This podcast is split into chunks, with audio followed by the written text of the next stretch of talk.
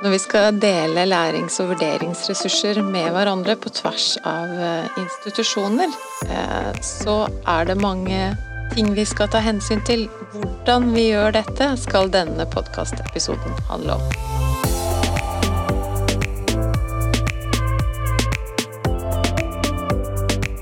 Og jeg heter Rita Li og er prosjektleder av Love You-prosjektet. Og jeg heter Hilde Larsen Damsgaard og er med i det samme prosjektet. I våres Hilde, så hadde jo vi en nasjonal workshop hvor vi inviterte inn kollegaer over det ganske land til å gi oss noen tilbakemeldinger om hva som kunne være viktig for dem når man skulle dele lærings- og vurderingsressurser. Og de tilbakemeldingene vi eh, fikk, eh, la grunnlaget for videre arbeid eh, i prosjektet. Og det er det vi skal snakke litt om, altså rammene for hvordan vi skal få dette til å dele med hverandre. En ting som vi fikk eh, mye tilbakemeldinger på, det var det med valg av hvilken eller hva slags plattform som vi skulle bruke når vi skal dele ressurser med hverandre. Eh, kan du si litt om eh, hva vi har landet på, og hvorfor vi landet på det? Ja, vi har landet på det at vi vil bruke Canvas. Eh, og det er det jo noen, noen skeptiske røster til, fordi at det er noen som ikke bruker Canvas. Men eh, hovedgrunnen til at vi har valgt å gjøre det likevel, det er at det er den plattformen de aller, aller fleste høyere utdanningsinstitusjoner har. Og vi ønsker å gjøre det lett å kunne importere eh, lærings- og vurderingsressurser. Og da er Canvas foreløpig det vi har som den beste løsningen. Ja, fordi at eh, i Norge i dag så har vi 18 uh, eh, utdanningsinstitusjoner som tilbyr eller innenfor helse- og sosialfaglige utdanninger. Og da er det NTNU bruker ikke Canvas, men der har vi også funnet ut at det lar seg gjøre. Altså få til et sånn samarbeid med Canvas og Blackboard da, som de bruker. Men de andre 17 de bruker Canvas. Mm. Mm. Eh, og så var det jo, som du også sier, et poeng at eh, dette skulle liksom være en plattform som mange kjente til, og tenkte da at det økte brukervennligheten. Mm. Men det var en diskusjon vi hadde, og vi har jo sett på andre mulige løsninger. Og selv om vi velger Canvas nå, så kan det jo kanskje hende at uh, utviklingen går så fort, og at vi ser at om et år eller to så bruker vi noe annet, og så legger vi alt innholdet i Canvas over på en annen mm. plattform.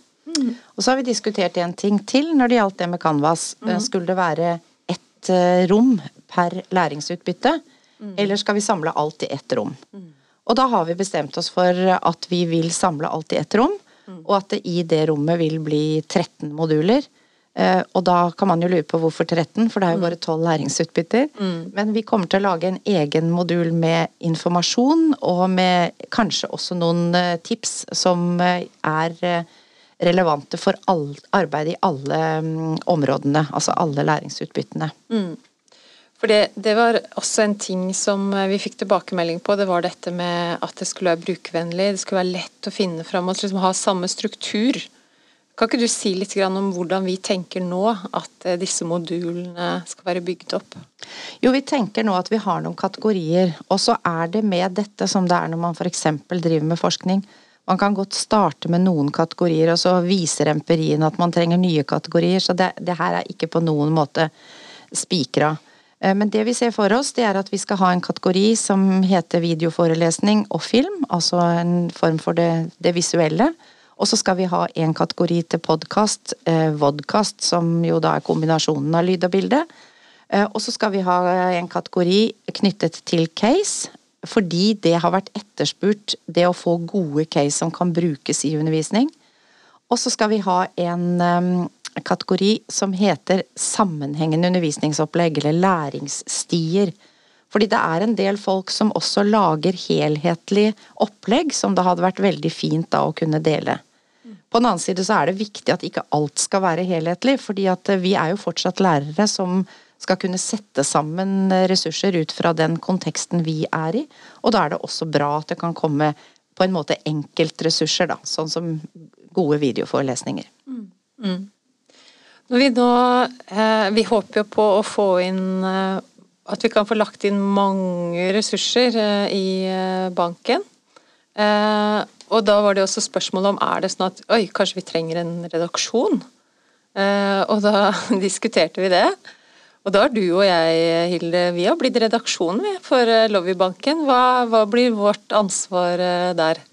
Ja, Vårt ansvar det er også å legge inn tilsendte ressurser, sånn at det blir gjort på noenlunde samme måte. Og så er det vår jobb å sørge for at banken er strukturert og oppdatert og lett å finne frem i. Og så har vi noen et spesielt ansvar knyttet til kvalitet når det gjelder det med at eh, vi skal ivareta eh, bestemte verdier. Det skal, det skal, ikke være diskriminerende, det som ligger der. Det skal ikke være noe støtende innhold. Vi skal se på språkbruk og tilgjengelighet i ressursene. Det er hovedansvaret til redaksjonen. Mm. Så Vi har snakket også litt om dette med bildebruk, eh, og at det også må henvises til hvilke kilder som ligger til grunn for innholdet i ressursen, ikke sant? Ja, for vi har hatt en diskusjon både internt i prosjektgruppa og med andre folk. Eh, det med hvordan sikrer vi kvalitet. Og da har det jo vært en diskusjon skal det være sånn at alt som legges i banken er innom altså ikke, en, ikke fagfellevurdering, men en form for sikring blant fagfolk. Og vi har kommet til at vi rett og slett stoler på at folk legger inn kunnskapsbaserte ressurser, men er veldig opptatt av at det skal være sånn.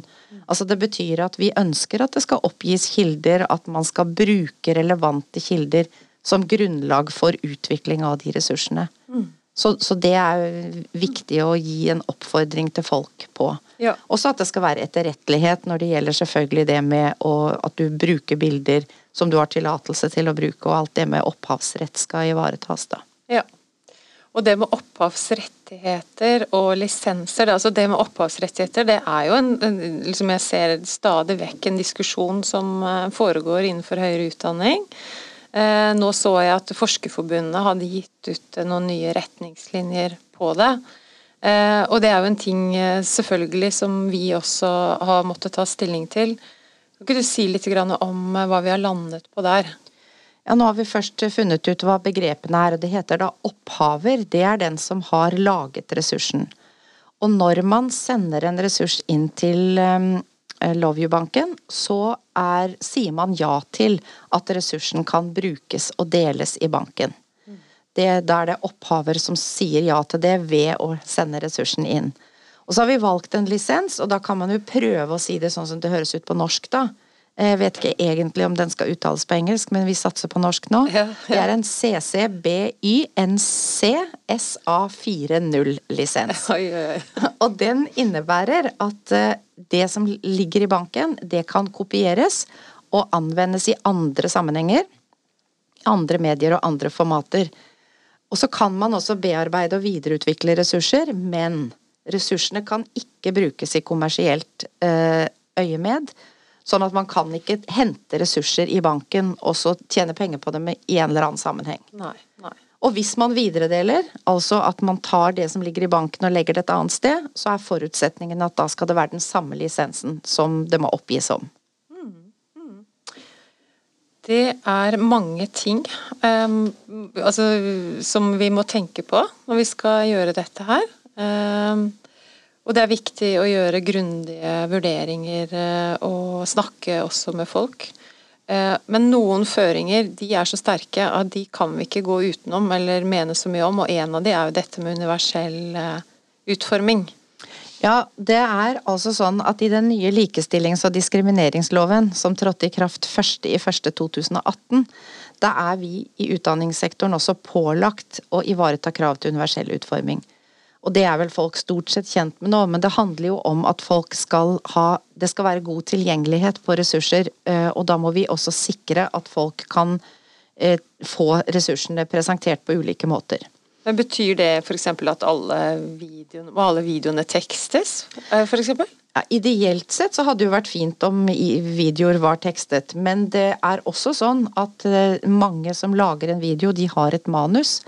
Og da kan man tenke seg at manuset ligger ute, sånn at man får tilgjengelighet til eh, innholdet i videoen også gjennom den teksten. Det er én måte å gjøre det på.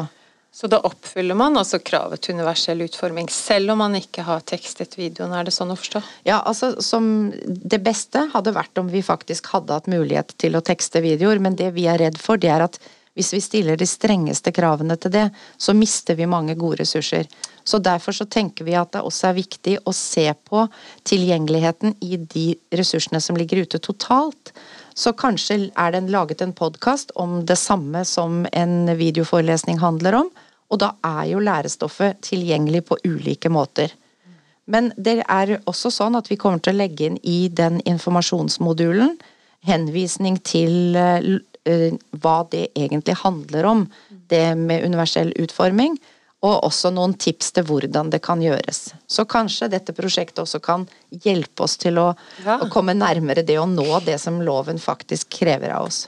Det hadde jo vært uh, kjempefint. Dette er jo noe som angår uh, alle sammen. Ja, for det gjelder jo læringsressurser vi lager i alle andre sammenhenger også. Ja, ikke sant. Det er en ting vi må forholde oss til. Eh, du snakket litt om eh, i sted dette med hva slags type Eller altså strukturen i modulene.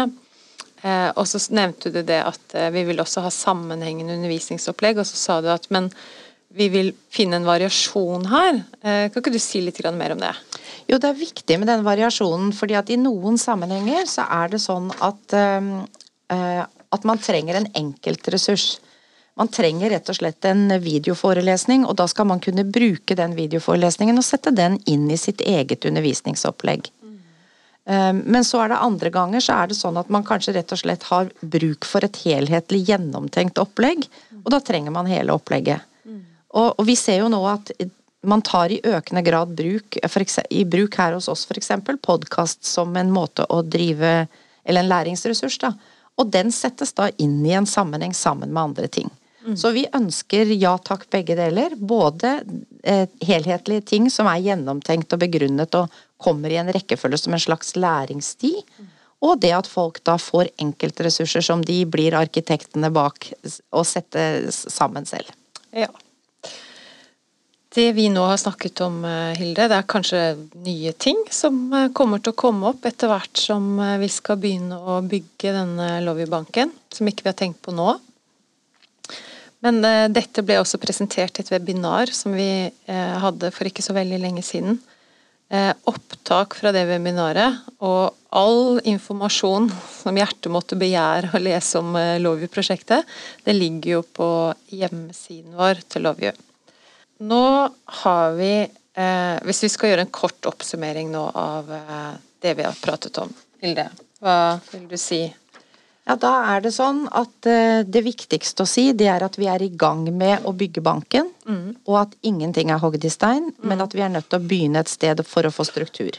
Det blir ett canvas-rom, og vi kommer til å bygge opp alle modulene på samme måte. Det er laget en redaksjon som skal sikre kvalitet på ressursene som legges inn. Vi har bestemt oss for lisens, og vi er opptatt av å ivareta opphavers rettigheter. Og det har vi forresten glemt å si. At ja. det kommer til å være sånn at de som leverer ressurser til banken, de får råderett over ressursene på den måten at hvis de ser at her er det behov for å videreutvikle en ressurs, så åpner vi for det på bestemte tidspunkter i et semester. Og så er vi opptatt av universell utforming og tenker at kanskje kan dette prosjektet hjelpe oss til å virkelig få fart på det arbeidet. Variasjon i ressurser, ja takk. Det var så fin oppsummering at eh, det burde nesten ødelegge det hvis jeg liksom kommer inn med mer, men jeg har bare lyst til å si én ting helt til slutt. Og det er det at eh, nå er vi, samarbeider vi med mange interne på USN, og også utenfor USN det er en veldig spennende prosess som vi nå er i. Og dette er en dynamisk prosess, som du sa. Ingenting er hogd i stein. Men eh, prosjektet det skrider tidvis i store hopp fremover, og så litt mer sakte innimellom. Sånn er det å jobbe med prosjekt. Men det er i hvert fall veldig spennende, og vi gleder oss til å kunne dele mer etter hvert som vi, som vi får mer resultater. Og vi skal jo i gang å produsere. Eh, ressurser ja. Eh, på et seminar internt i november. Ja. Og kanskje kommer vi da også, hvis det fungerer godt, til å invitere eksterne eh, inn til et tilsvarende seminar når vi kommer i vårsemesteret. Mm. Og så kan vi jo bare si at eh, hvis du har noe som du kunne tenke deg å dele knyttet til disse tolv læringsutbyttebeskrivelsene Eller ett av dem. Eller ett av dem. Gjerne alle tolv, men ett av dem. Så vær så snill å ta kontakt. Vi hører veldig, veldig gjerne fra deg. Ok, vi høres!